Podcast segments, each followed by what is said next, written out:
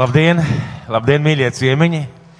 Labdien, pastāvīgi apmeklētāji, labdien, draudze!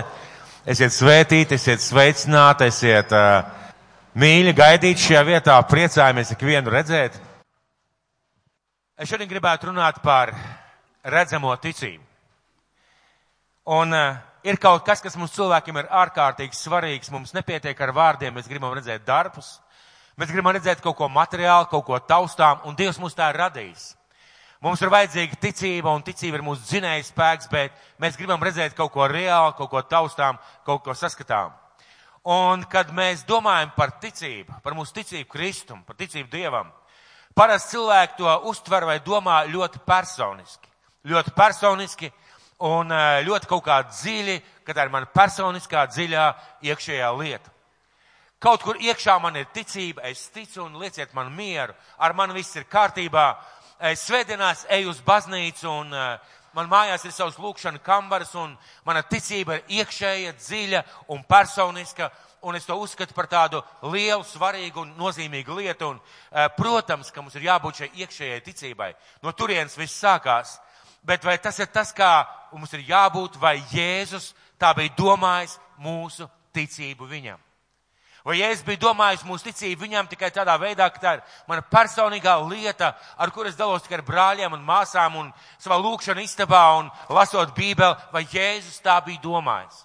Vai tas bija tas, kā viņš bija domājis savu draudu šo ticību? Un uh, mūsu valstī un arī daudzās citās valstīs baznīca ir atdalīta no valsts. Ko tas nozīmē? Ka valsts nefinansē baznīcu, valsts nemaksā vai neapmaksā baznīcu kaut kādus projektus.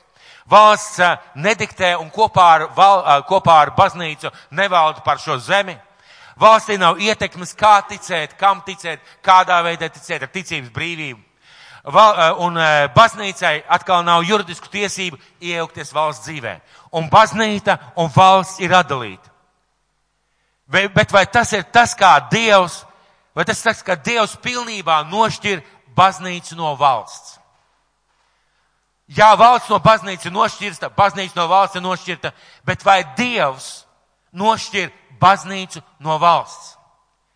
Un domājot par kādām, kādiem procesiem, domājot par kādu cilvēku uzskatiem, man gribētos teikt, ka mums būtu par to ļoti nopietni jāpadomā. Vai valsts, vai baznīca ir nošķirta no valsts? Un mēs tautu teiksim, protams, protams, ka kāda mums daļa gar valsts svētkiem, Kāda mums daļa gar valdību, kāda mums daļa par vēl kaut ko. Mēs esam debesu valstības pilsoņi. Jā, mēs esam debesu valstības pilsoņi. Bet vai Jēzus tā bija domājis? Vai Jēzus bija domājis, ka cilvēks ir tikai savā ticības lūkšana kambarī vai ticības savā dzīvē un uz āru nekas nenāk un vēl neparādās? Vai Dievs tā domāja? Vai Jēzus nošķir baznīcu no valsts? Lūk, kāds jautājums. Vai Jēzus nošķīra baznīcu no valsts? Un ik viens cilvēks, ticīgs vai neticīgs, grib dzīvot labā valstī. Grib dzīvot labā zemē. Neviens neticīgs, ne neticīgs nepriecājas par kara šausmām, par badu, par nabadzību, par kaut kādām problēmām valstī. Neviens nepriecājās, visi grib dzīvot svētītā labā zemē. Un uh, iztaisiet eksperimentu. Ejot kādreiz pa ielu vai kādā cilvēku sabiedrībā, esot kopā, pajautājiet, Neprasiet par ticību, bet pajautājiet neticīgam cilvēkam, vai tu gribi, lai šī valsts ir svētīta. Un ļoti iespējams šis cilvēks pajautās, ko nozīmē svētība. Nu, ko nozīmē svētība? Paskaidrojiet, ko nozīmē svētība, ka tas ir kārtība, miers, sakārtotība, pārticība, tāda labas attiecības starp cilvēkiem dzīvē. Un pat neticīgais cilvēks, kurš pateiks, es neticu Dievam, bet ja tā tu to domā par svētītu valsti, tādu valsti es gribētu. Jo visi grib dzīvot labā valstī. Jo visiem ir ģimenes.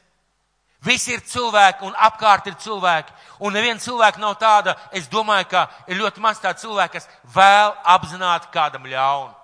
Varbūt ir nepareizi mērķi, nepareizs metodas, bet tā, ka cilvēks sēdētu, griezt uz obas, domāt, kā es kādam varētu ieriept, tādu cilvēku varētu būt ļoti maz.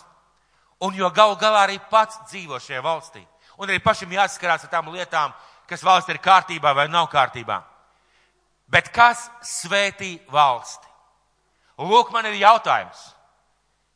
Ja baznīca, kā mēs reizēm domājam, ir šķirta no tās valsts, kurā mēs dzīvojam, Tad jautājums, kas svētī valsti? Protams, ka Dievs svētī valsti, bet caur ko? Caur ko Dievs svētī valsti? Es biju kādus diezgan daudz gadus atpakaļ uzaicināts uz kādu namu. Un kāds turīgs cilvēks bija uh, uzbūvējis jaunu māju, uh, brīnišķīga, lieliska ģimene un liela māja un uh, tiešām tāda pamatīga māja ar daudz telpām, nostiprināts krasts, daudz dažādas lietas. Un viņš vēlējās, lai mācītājs atbrauc un svētī šo māju.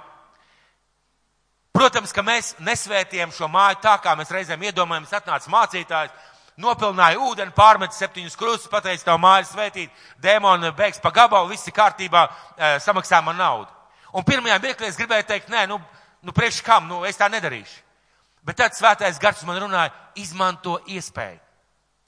Es aizbraucu šo namu, saimnieks man vadīja pa visām telpām, rādīja, kā kas iekārtots, kā kas salikts, cik skaisti. Es, protams, priecājos par to visu. Uzteicu lielisko galvnieku darbu, jo tā ir man pazīstama profesija. Uzteicu izskatu, tiešām bija labi, cilvēki bija domājuši.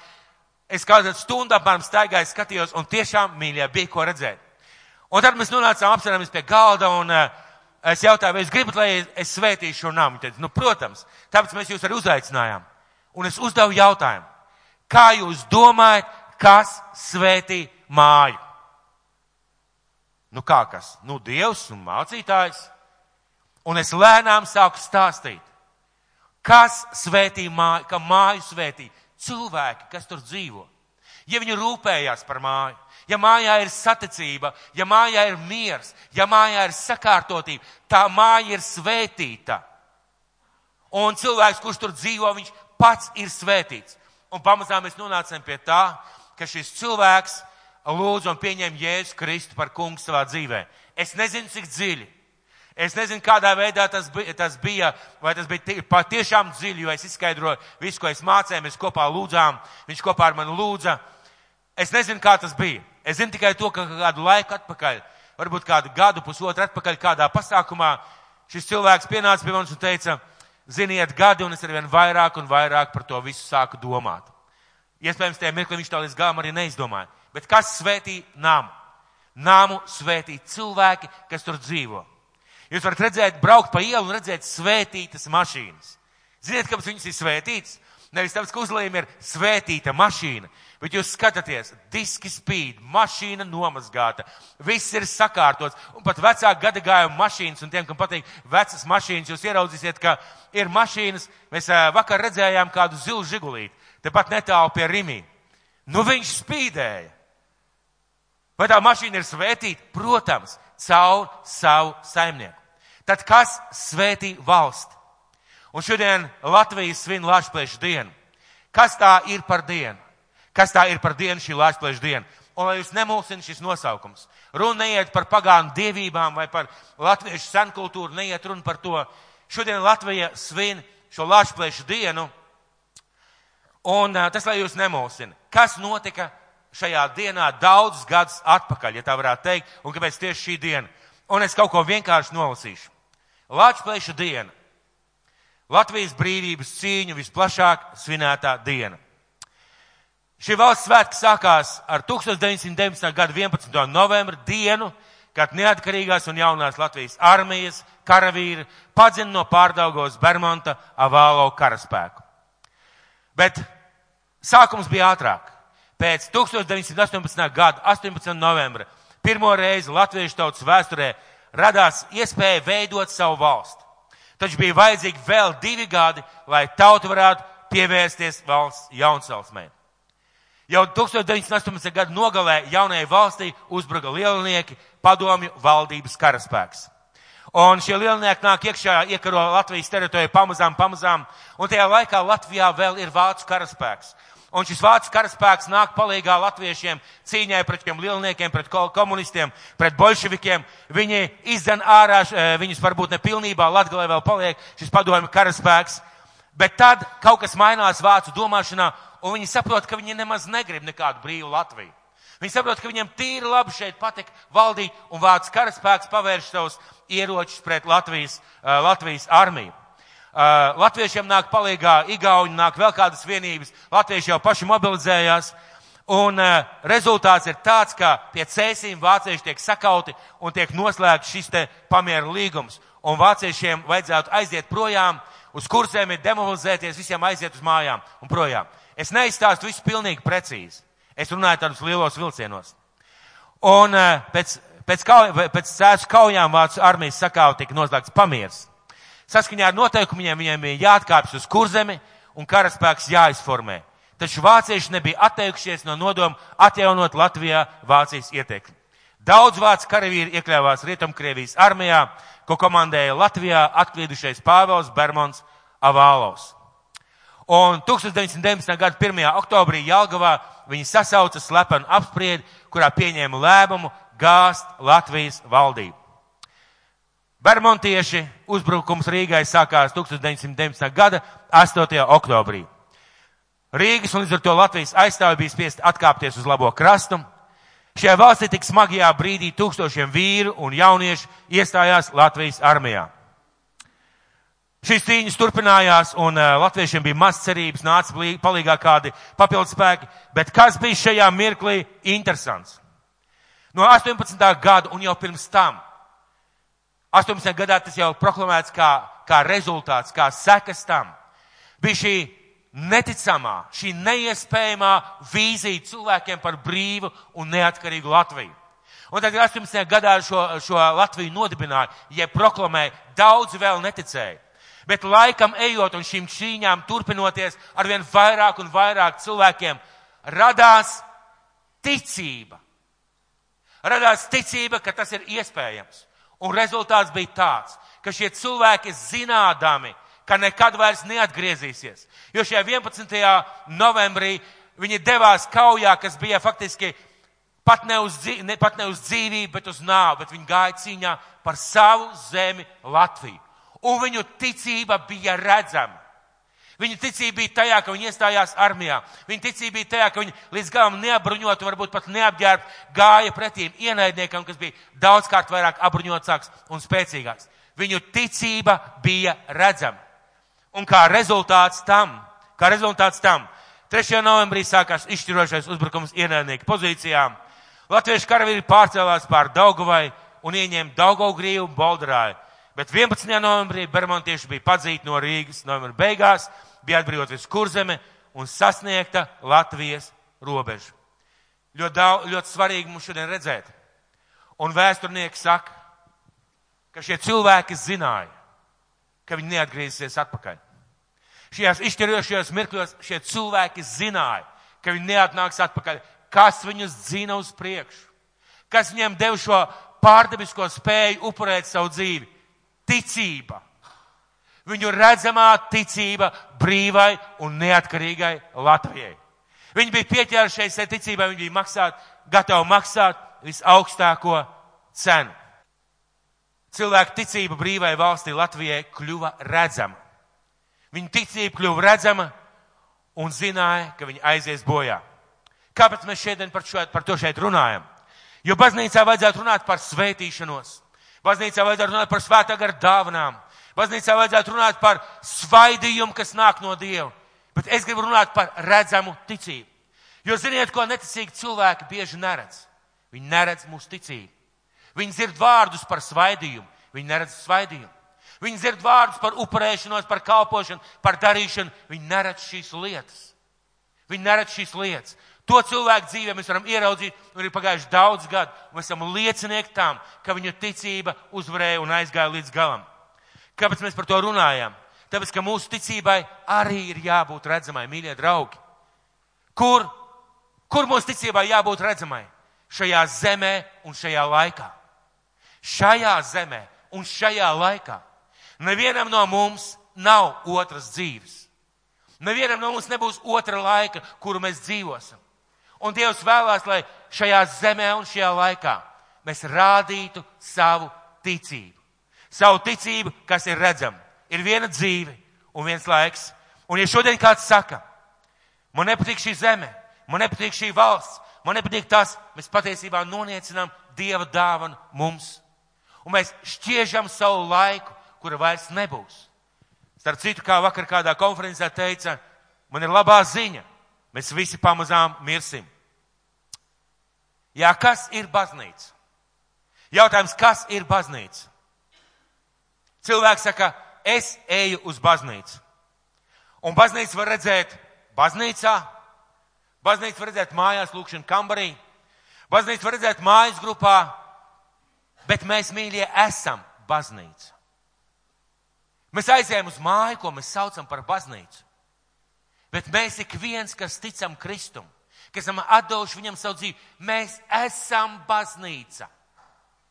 Un tā ir tikai cilvēciska doma vai tradīcija. Es eju uz baznīcu, jā, es eju uz namu, kur mēs kopā pielūgsim Dievu.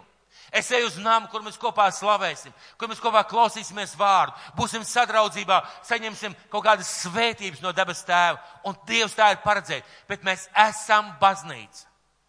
Un ja kaimiņš par manu ticību zina, redzot manu hūti vai manu mašīnu aizbraucot gar logu svētdienā, no rīta viņam tas neko nepasaka. Tas pats, tas cilvēks kaut kam tic, bet viņa ticība ir redzama tikai tik daudz. Vai tā tam vajadzētu būt? Vai tā tam vajadzētu būt? Mēs esam baznīca. Un, kad mēs esam ārā uz ielas, ārā uz ielas ir baznīca. Tramvai pieturā ir baznīca. Lielveikalā ir baznīca. Dabā ir baznīca. Baznīca ir visur, kur mēs ar jums mīļi esam. Jo mēs esam draudze un mēs esam baznīca. Jo Jēzus mājo mūsos. Tas nozīmē, ka šī doma, es eju uz baznīcu, ir pareizi tikai tajā nozīmē, es eju uz namu, kur tiekās draudz. Bet es esmu baznīca. Un mūsu ticībai ir jābūt redzamai. Vai šī tava tevis, kā baznīcas ticība, ir redzama? Vai mana, kā baznīcas ticība, ir redzama? Un es šodien sapratu, ka varbūt kāds to uztvers personīgi kāds aizvainosies, kāds varbūt teiks, nu, kaut kā vairāk par, par Kristu vajadzētu, vai varbūt kaut kā vairāk vajadzētu par to, kā Viņš mums izdod. Mēs par to runāsim, un paldies Dievam, tiešām viss nāk no Viņa. Bet, ziniet, mīļie, šodien gribētu iztaisīt kaut kādu nelielu pagriezienu mūsu domāšanā. Ziniet, kāpēc? Esmu tik daudz dzirdējis nepareizus, nepatiesus, nosodošus, tiešlājošus vārdus par šo valsti. Esmu tik daudz dzirdējis, tik negatīvus noskaņojumus par latviešu nāciju kā tādu. Tik daudz dzirdējis, un man gribās kliegt, nē, tā nav taisnība. Jo mēs esam Dieva radīta tauta. Mēs, kristieši, esam viņa bērni, un mēs esam aicināti būt par šo gaismu. Nevis noniecināt, bet taisni celt. Nevis nopelt, bet taisni uzslavēt tās labās lietas. Un vai mana kā baznīcas ticība ir redzama valsts ekonomikā? Kad es strādāju kādā darba vietā, vai mana ticība ir redzama? Vai mana ticība redzama valsts kultūrā?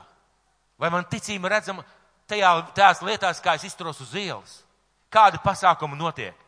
Vai mana ticība valsts ir redzama valsts izskatā, vai mūsu kā baznīca ticība redzama valsts izskatā, izglītības sistēmā, valsts svētītībā, ja tā varētu teikt? Vai mana ticība ir redzama? Šo cilvēku ticību mēs šodien atzīmēsim ar svecītēm. Un kas ir interesanti, jau pietiekuši daudz gadus, kaut kāds 20, jau 5, varbūt pat gadus, šīs svecītes tiek iedegdzināts 11. novembrī. Un ziniet, kas ir interesanti? Protams, ka tur nav katras, katras vecīte par katru cilvēku. Protams, ka ar svecītēm mēs nepieminam šos cilvēkus tādā veidā, ka mēs aizlūgtu par viņiem. Nē, mēs vienkārši atceramies. Bet ziniet, kas ir interesanti? Padomājiet. Ir pagājuši tik daudz gadi, bet joprojām cilvēki noliek svecīti, aizdedzina. Un, ja tā varētu teikt, Viņu ticība joprojām ir redzama. Joprojām ir redzama. Mūsu valsts uzbūvē kārtībā un tajās lietās, ka mēs esam brīvi valsts. Vai mana ticība ir redzama? Un bieži vien mēs norobežojamies no valsts. Vai tas ir tas, ko Jēzus mācīja? Kā mums kristiešiem un kā mums kristiešiem un ar ko mums kristiešiem vajadzētu svētīt savu zemi? Ko Jēzus par to teica? Un Mateja evaņģēlijā 5. nodaļā no 1 līdz 12 pantam viņš min kādus svētību vārdus. Viņš ir kādus svētīgus vārdus, viņš ir svētīgi tie, svētīgi tie, svētīgi tie. Viņš patiesībā raksturo cilvēku, kas ir ticīgs, kas ir pieņēmis Kristu, kā, kurā ir svētais gars, kurš aug, kurš veidojās. Un eh, pabeidz, ja tā, ja tā varētu pabeidz šo svētību runu, sākot Mateja evaņģēlijā no 5. 5. nodaļa no 14. līdz 16. pantam. Mateja evaņģēlijas 5. nodaļa no 14 līdz 16. pantam. Un lūk, tur kas rakstīts. Jūs esat pasaules gaišums. Pilsēta, kas stāv kalnā, nevar būt apslēpta. Sveci iededzinājis, neviens to neliek zem pūra, bet lukturī. Tad tā spīd visiem, kas ir namā. Tāpat arī jūsu gaisma spīd ļaužu priekšā, ka tie ieraugi jūs labos darbus un godā jūs tēvu, kas ir debesīs. Un pamēģināsim šodien nedaudz paskatīties tieši šiem pantiem. Man patīk līdzības, ja man patīk parādīt vizuāli.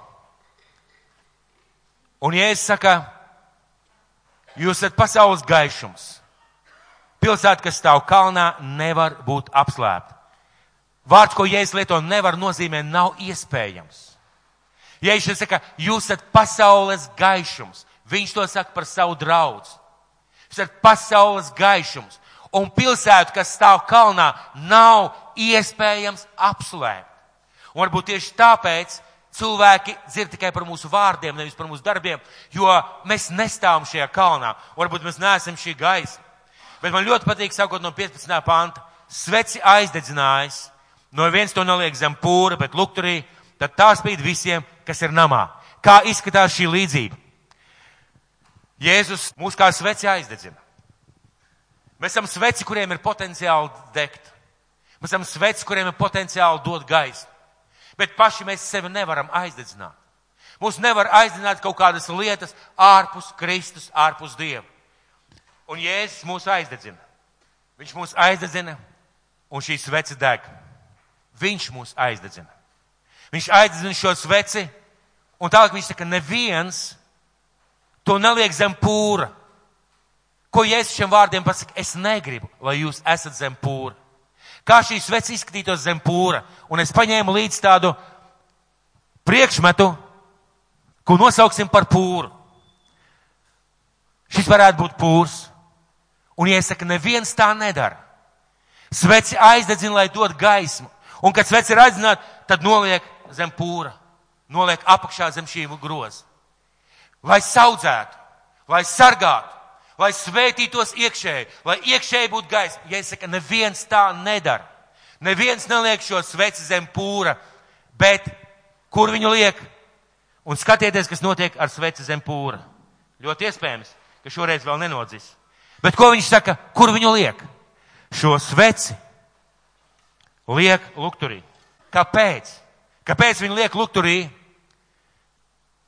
Tad tā spīd visiem, kas ir namā. Ko Jēzus ar šo līdzību gribēja pateikt? Ko Jēzus ar šo līdzību gribēja pateikt? Tāpat, lai jūs gaisma spīd jūsu priekšā, ka tie ieraug jūs labos darbus un godā jūsu tēvu, kas ir debesīs. Tāpat, lai jūs gaisma spīd ļaužu priekšā, Tāpat, lai mūsu labie darbi spīd ļaužu priekšā. Ne vārdi, ne vienkārši ticības apliecinājumi, pat ne evanģelizācija. Sakiet, mīļie draugi, vai, vai evanģelizācija ir cilvēku acīs labais darbs? Kā jūs domājat, kad jūs viņiem stāstat par Kristu? Cik daudz no šiem cilvēkiem to uzskata par labo darbu? Nu, godīgi.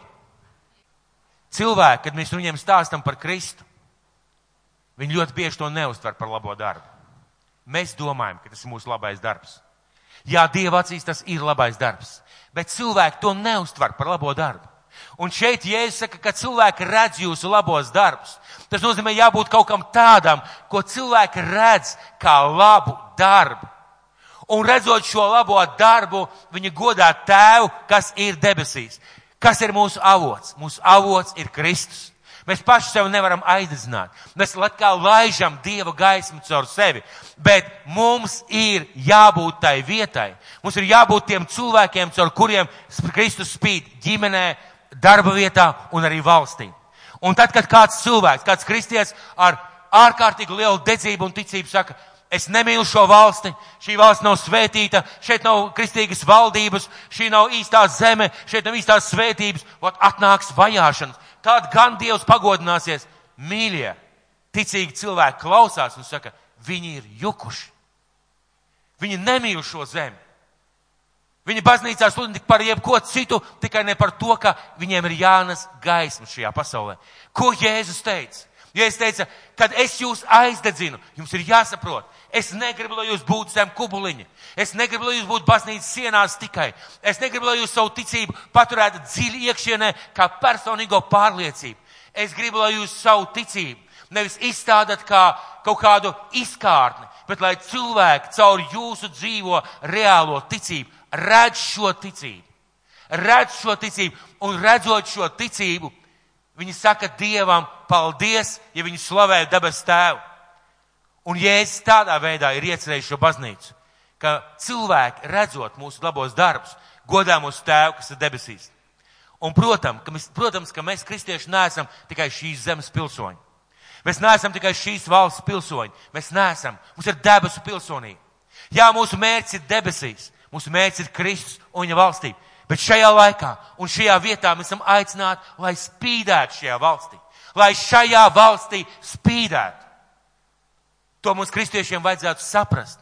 Mums vajadzētu izprast, ka viņš tā ir gribējis. Viņš tā ir gribējis. Viņš nolicis katru savā vietā, katru savā laikā, lai mēs meklētu Dievu un ka mēs esam atraduši, lai mēs svētītu šo valsti ar sevi. Sakiet lūdzu, vienkārši jautājums. Sakiet lūdzu, ar ko šo zemi var svētīt? Ar lūkšanām un ar savu dzīvi. Tu nevari šo zemi svētīt ar kaut kādām lietām, nepareiziem vārdiem, nepareiziem izteicieniem. Tu nevari to izdarīt. Tikai ar savu lūkšanu un ar to, ka tu svētī šo zemi. Un ja kāds cilvēks saka, es atteikšu ar pilnu atbildību, Es nemīlu šo zemi, man nepatīk šī zeme. Viņš nav satvēris šo Kristus vēstu. Viņš nav sapratis, kāpēc Dievs viņu ir ielicis šajā vietā. Viņš nav sapratis, ka Kristus gaida pretēju reakciju. Taisni otrādi, ja es teicu pat mīliet pat savus ienaidniekus, svētījiet viņus, vai šī zeme var būt ienaidnieks? Šī zeme ir dāvana. Šī zeme ir dāvana, par ko mēs varam priecāties. Un ja es ļoti gribēju, lai tava un mana svets lai mēs kā baznīca spīdētu šajā valstī un šajā laikā, jo otras dzīves mums nebūs. Otra mēģinājuma mums nebūs. Jautājums ir, ko mēs darām savā dzīvē. Un vēl es gribētu izlasīt no pirmās vēstules Pētera, no pirmās Pētera vēstules, otrās nodaļas, no 12. līdz 18. pantam. Otrā nodaļa, pirmā Pētera vēstule, no 12. līdz 18. pantam. Dzīvojiet krietni pagānu starpā. Kā tas ir? Esot ne tikai par garīgu gaismu, bet esot par piemēru. Esot par piemēru. Lai tie, kas jūs aprunā kā ļaundars, un cilvēki runās par, to, par tiem jocīgiem kristiešiem. Cilvēki runās par to, ka viņi neiekļaujas kolektīvā, viņi neiet kopā iedzert, nebrauc kopā uz spirti, varbūt vēl kādas lietas nedara. Viņi runās kā par ļaudriem bet redzēdam jūs labos darbus, viņiem ir jāredz mūsu labie darbi un pagodinātu Dievu piemeklēšanas dienā. Esiet paklausīgi katrai cilvēku starpā ieceltai kārtībai tā kunga dēļ. Es nezinu, vai jūs vēsturē esat pamanījuši, bet kristieši bija vislojālākie valsts pilsoņi visos laikos. Protams, ne tajās lietās, kas gāja pret Dievu vārdu. Protams, ne tajās lietās, kur valsts pieprasīja darīt nelētības vai neģēlības, ne tajās lietās. Bet viņi bija lojālākie, patriotiskākie un labākie cilvēki visos laikos, to saka vēsture. Ieceltai kārtībai, kādēļ? Tā kunga dēļ. Viņa dēļ. Jo viņa vārds tiek vai nu nopelts, vai augsti celts mūsu dzīves, mūsu darbu dēļ. Viņa dēļ. Un tāpēc, ka viņš tā arī ir pateicis. Ir valdniekiem, kas ir pār visiem, ir pārvaldniekiem kā tādiem, kas viņu sūtīt, lai sodītu ļaundarus, bet atalgotu tos, kas dara labu. Jo tāda ir Dieva grība, ka jūs labu darot, apklusinātu neprātīgu cilvēku nezināšanu. Kā svabadi, bet ne kā tādi, kam svabadība būtu kā ļaunuma apsaks, bet kā Dieva kalpi. Ko nozīmē šī svabadība? Šī svabadība nozīmē ne tāpēc, ka mani piespied, Ne tāpēc, ka priekšnieks man izdzīs no darba. Ne tāpēc, ka man nodos policijai vai vēl kaut kādas lietas. Ne tāpēc, ka esmu piespiests, bet tā ir mana izvēle darīt šos labos darbus priekš Kristus un Kristus vārdā, lai debes tēvs tiktu pagodināts. Un ja mēs šodien gribam savu debes tēvs pagodināt, mums ir ne tikai šeit jāslavē debes tēvs šeit baznīcā, Ne tikai jāmīl vienam otram, mums ir jābūt paraugam tajā vietā, kur mēs esam. Mums, un tādā veidā mēs varam svētīt šo zemi. Un šajā, svētais, šajā vietā svētais gars mums pasaka, ka mēs varam būt par gaismu, svētījot šo zemi. Ziniet, kas ir tumsas definīcija? Gaismas trūkums.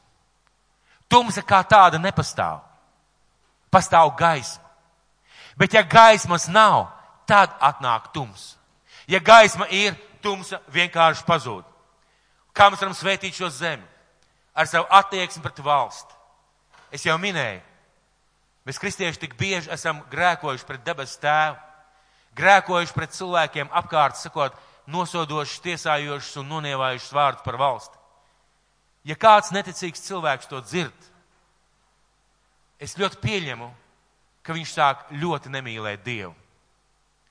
Arī es, tad, kad es biju neticīgs, kad, protams, toreiz bija padomjas savienība. Bet ja par Latviju kaut vai tajā mazajā kontekstā, padomjas savienības kontekstā, kāds teikt sliktus vārdus, man ļoti nepatiktu. Es nemīlētu to cilvēku. Un viņš vēl teikt, es ticu Dievam, bet zini, tā zeme, kurā mēs dzīvojam, ir vienkārši ļoti slikta. Es teiktu, zini, ko pats tu esi slikts. Jo tā ir slikta liecība ar savu lūkšanu. Vēl kāda interesanta lieta. Mums tagad būs lūkšana nakts. Tagad 16. novembrī būs lūkšana nakts. Un uh, Dievs man deva tādu interesantu domu. Neticīgi cilvēki nepiedalīsies baznīcās lūkšana naktīs. Viņi nenāks uz lūkšanu naktī, viņiem tas nav vajadzīgs, viņi nelūgs Dievu. Bet ziniet, ko viņi varētu darīt? Viņi varētu sākt mūs cienīt par to. Jo redz, tie dūlie kristieši, mēs nesaprotam, kāds viņiem tur tas dievs, bet iedomājieties, viņi veselu tagad nakti veltīs, lai lūgtu Dievu par Latviju. Un ja jūs tagad pajautāt tam pašam neticīgiem cilvēkam, kā tev liekas, vai ir labi, ja kāds veselu nakti lūdz Dievu par Latviju? Es domāju, pat pēdējais pagāns teikt, nē, nu nav slikti. Nē, nu malači, nu lai viņi tā dara. Vai tas nav labais darbs? Vai tas nav tas, uz ko mēs esam aicināti? Ar savu darbu. Mums vajadzētu būt labākiem darbiniekiem savās jomās. Es gribu pajautāt brāļiem un arī māsām. Vai jums kādreiz gadī, darbā ir gadījies no haltūrēt? Āmen. Un tas galīgi nepagodina Dievu. Pareizi? Esmu bijis pats situācijā, kur cilvēks saka, izdarīja visu, kā vajag, viss ir kārtībā, viss ir baigi forši. Un tu skaties, un tu zini, nav forši. Tu vienkārši zini, nav forši. Man pašam ir gadījies kaut ko izdarīt un teikt pie sevis, mm, nav īsti labi. Bet, eh, nu, cilvēks ir apmierināts, nu, gan jau, gan jau būs labi. Kur patiesībā vajadzēja darīt savādāk, pareizi? Vajadzēja izdarīt visu izcili un vēl drusku pa virsu. Un tad tie cilvēki jautāt, klausies, baigi jocīgais galvenieks pie manis bija. Viņš izdarīja visu, ko vajadzēja, Tālāk viņš vēl novāca aiz sevis visus netīrumus, sasauca un saslaucīja visu. Tad viņš vēl man pielika plauktiņu, izdarīja to un pajautāja, varbūt jums vēl kaut ko palīdzēt, un par to nebūs jāmaksā. Baigi jocīgais, klausies. Dīvains tāds, bet vispār malacis. Vispār forši. Var to iet runa, ka mēs svētījam cilvēkus un šo valsts kā labākie darbinieki ar savu radošumu, ar savu izdomu, ar entuziasmu, ar iejūtību un mīlestību pret cilvēkiem un ar patriotismu par šo valsti. Kas tad notiek? Cilvēki saka, jocīgi tie kristieši, bet viņi ir tiešām labi cilvēki. Viņi ir teicami darbinieki, viņiem ir pareizā attieksme, un viņi ir valsts patrioti.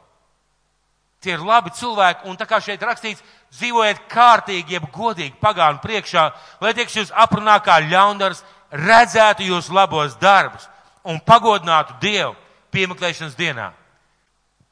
Vai tas būtu tas, ko Jēzus domāja par gaismu? Vai tas būtu tas, kā Jēzus domāja par gaismu? Vai tas pagodinātu Dievu, piemēram? Ja uz jūsu, ja jūs dotos uz autoservisu, un jūs ieiet autoservisu un teikt, ziniet, man vajadzētu salbot mašīnu, vajadzīgs tāds labs meistars, elektriķis, sakiet, lūdzu, vai jums nav kāds kristietis? Šeit nestrādā kāds kristietis, jo jūs zinātu, kristietis izdarīs visu līdz galam. kristietis izdarīs visu līdz galam, vai tas pagodinātu Dievu, ja jūs aiziet bankā un jautāt, ziniet, man vajadzīgs tāds fin finanšu eksperts vai konsultants grib paņemt kredītu, vai jums starpā, jūs bankā nestrādā gadījumā kāds kristietis? Jo viņš tiešām pateiks visu līdz galam un neapmānīs un neuztaisīs jūs par, par muļķi pēc tam. Jūs aiziet, piemēram, veikalā. Es nesen vēroju kādu puisi. Es viņam nepajautāju, bet es domāju, ka es to izdarīšu. Es skatījos, kā viņš runāja ar klientiem, un man likās ļoti interesanti. Nu, nu vajadzētu viņam būt kristietim. Zini, kāpēc? Tante kaut ko nopirka, pēc tam viņa teica, pie kas nē, es to neņemšu, tas tomēr par dārgu. Viņš tikai smaida un saka, jā, labi, kā jūs vēlaties, noliksim malā, tante ilgi meklē karti, nevar ielikt iekšā karti, viņš viņai palīdz kaut kādu minūtes, divas, trīs, četras. Es varētu sākt mīņāties, bet es skatījos un es priecājos.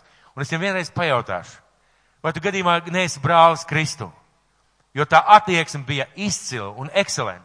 Ja mēs ietu veikalā, mēs gribētu tādu pārdevēju ka mēs maksātu nodokļus. Iedomājieties, ka būtu tāda neticama slāva.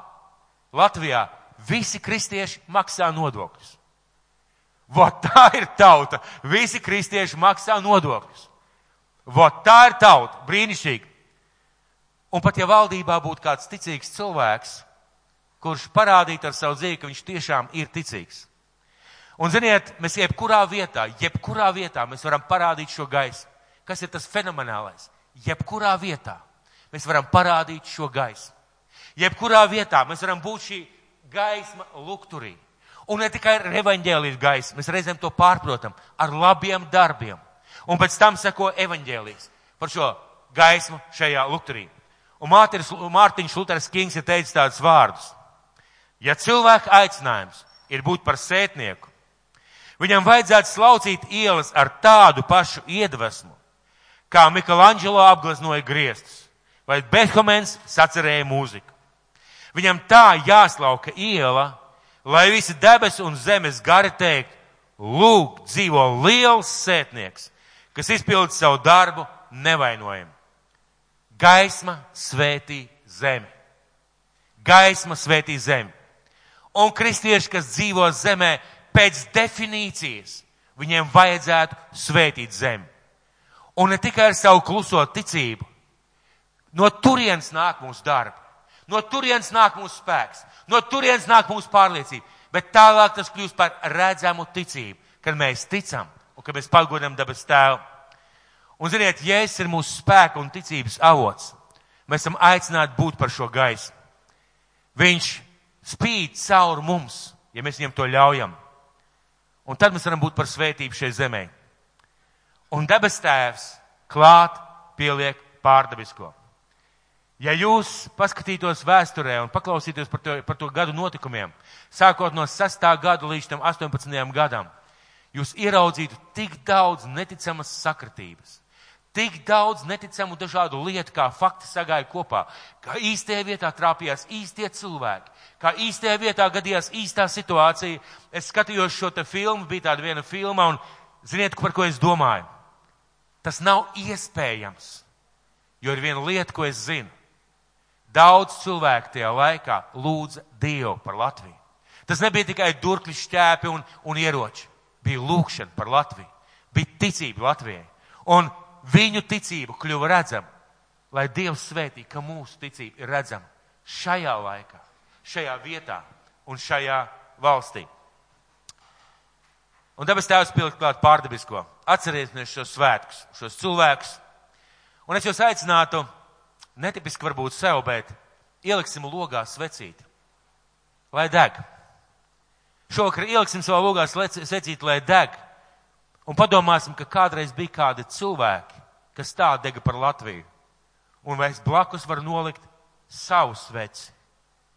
Un vai mana svece šodien, kas es esmu šeit, šajā zemē, šajā valstī, vai mana svece deg? Vai viņa deg šajā lukturī? Vai Kristus caur mani deg? Ja iespējams aiziesim uz krastmalu un aicināsim kādu svecīti par kādu cilvēku un padomāsim, vai mana ticība šodien ir redzama. Un kas ir ļoti, ļoti svarīgi, ko ir fantastiski apzināties, mūsu ticība, tava un mana, tā var un tā ir vajag būt redzamai. Tā var un tai vajag būt redzamai.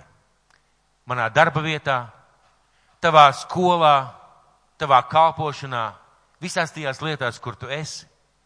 Tev ir jābūt par šo gaismu. Kādreiz mēs runāsim par Jāzepu.